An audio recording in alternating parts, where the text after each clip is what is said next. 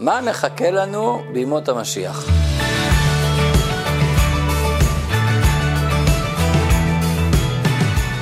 לפני כמה שנים התפרסם בתקשורת אדם יפני שנפטר בגיל 90. מה היה כל כך מיוחד באותו יפני שהוא זכה להתפרסם? אז אותו יפני היה מחיילי צבא יפן במלחמת העולם השנייה. אבל כאשר המלחמה הסתיימה ב-1945, שכחו להודיע לו. יותר נכון, הודיעו לו, אבל הוא לא האמין לזה. הוא חשב שזה חלק מתרמית שעושים כדי להכניע את צבא יפן. עברו עוד 27 שנה עד שהוא השתכנע. וכל השנים האלה הוא המשיך להסתתר, ללבוש בגדי צבא עם אפוד ונשק, מחכה להתגבר על האויב האמריקאי. זה נשמע מצחיק, נשמע קצת, קצת מוזר, שיודיעו לי מישהו שהמלחמה כבר הסתיימה, הוא יתעקש להמשיך להילחם, העתיד כבר הגיע, החלום כבר הוגשם, הוא מתעקש לחיות בעבר. אפשר להגביל את זה למשהו שקרה בעם ישראל לפני כ-300 שנה. לפני כ-300 שנה נוסדה תנועת החסידות. הרבי הראשון של החסידות, רבי ישראל בעל שם טוב, החל ללמד ולהדריך את העם היהודי בדרך חדשה. אור חדש הגיע לעולם, וכעת יש תקופה חדשה, יש דרך חדשה ומשודרגת בעבודת השם. אפשר להשתדרג, להשתדרג ולהתקדם. בעל שם טוב לימד שיהדות היא לא רק התנהגות, יהדות היא מהות. מי שנולד יהודי, הוא יהודי במהותו. ולא משנה איך הוא מתנהג, זה לא ישנה את המהות שלו. הוא בן של מלך מלכי המלכים. זאת הזכות הכי גדולה שיכולה להיות, ולכן עבודת השם צריכה להיות מתוך שמחה עצומה. שמחה על הזכות הגדולה שנפלה בחלקנו להתקרב לבורא עולם ומנהיגו. לא בכל מקום המסר הזה יתקבל בברכה. היו כאלה שחשבו שצריך להמשיך לעבוד את השם כפי שהיה עד אז, להסתמך בעיקר על שכר ועונש.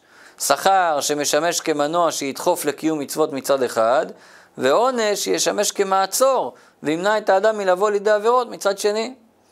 גם כאשר בעל התניא ממשיך דרכו של הבעל שם טוב ייסד את חסידות חב"ד, וחרת על דגלה את חשיבות ההפנמה האינטלקטואלית להשתמש בשכל, לא רק באמונה, לימד את סודות התורה באופן של הבנה והשגה, לא רק לשים את השכל בצד ולפנות מקום לאמונה, אלא לקחת את השכל ולהחדיר בו אמונה, היו כאלה שהרימו גבה על זה.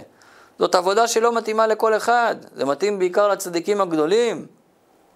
זה לא מתאים לאנשים פשוטים, סודות התורה זה תוכן רוחני מדי. אי אפשר באמת להבין את זה. העיקר רק לקרוא את זה, ככה חשבו עד אז.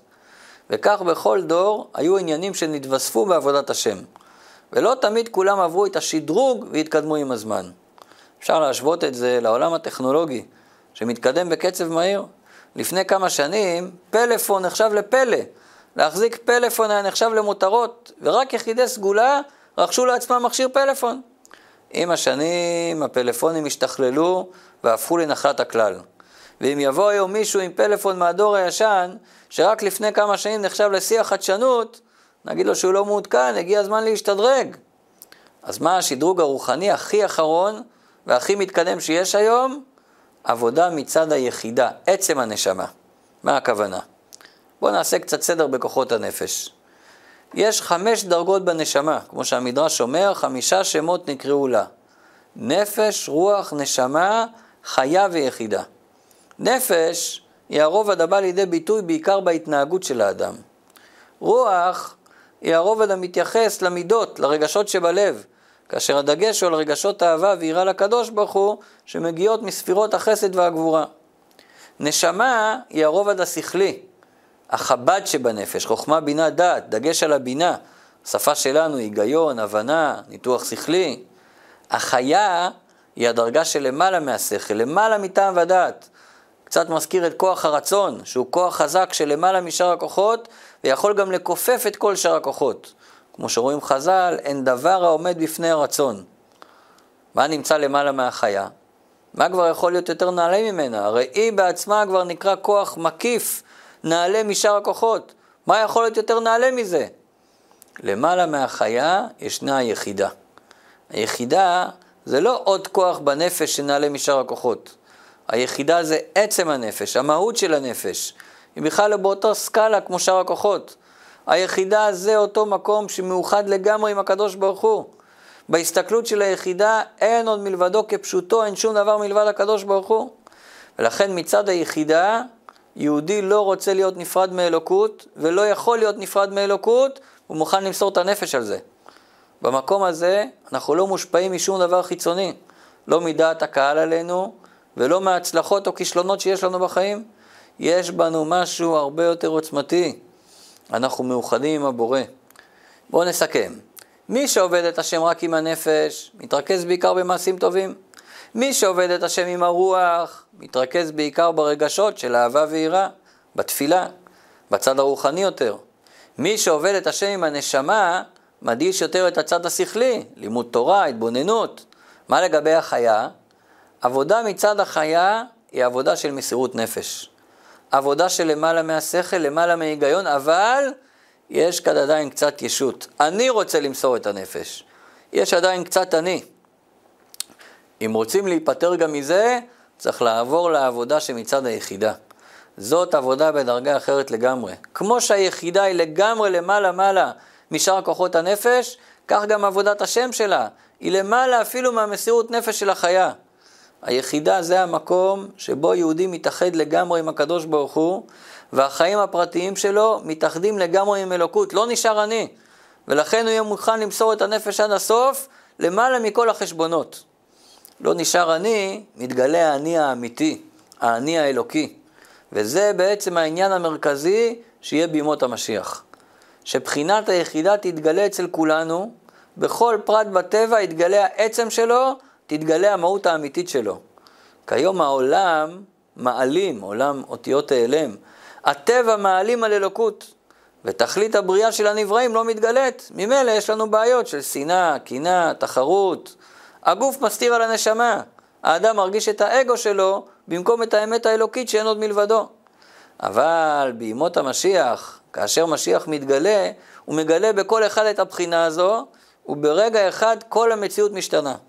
כל אחד משנה ברגע אחד את כל ההסתכלות שלו על המציאות. פתאום הוא מבין מה חשוב באמת ומה לא, מה העיקר ומה טפל. פתאום הוא קולט מהי תכלית הבריאה ומה תפקידו בעולם. היחידה, עצם הנשמה, היא אחד עם הקדוש ברוך הוא כל הזמן, ורואה בבירור כי כל העולם הוא רק העלם, וכל הקשיים הם רק ניסיונות. נכון, יש קשיים, אבל הם לא בניגוד לתוכנית של הקדוש ברוך הוא חס ושלום. להפך, הם חלק מהתוכנית האלוקית, והם נועדו לרומם אותנו.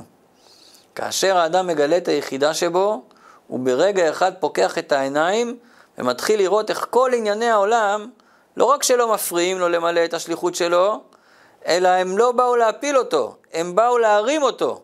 עכשיו הוא יכול להגיע למצב שהוא רואה גם איך הם עוזרים לו. יחידה, זה הנקודת משיח שבכל אחד מאיתנו.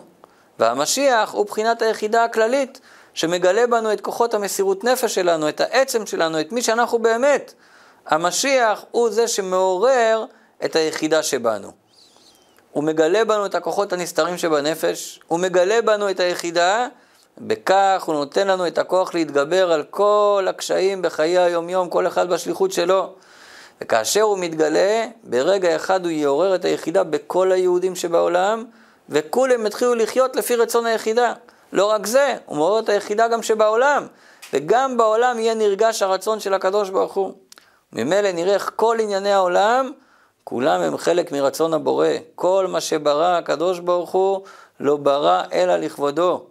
המאבק עם הנפש הבעמית הוא מאבק יומיומי. אנחנו יכולים להיגרר אליו, אבל אפשר גם להוביל אותו. שכל אחד מאיתנו מגלה את הניצוץ שבתוכו, נזכר שיש בו את המקום הזה של היחידה, של עצם הנשמה, שכל המהות שלה זה התקשרות לבורא, אפשר לגשת למאבק מכיוון אחר לגמרי.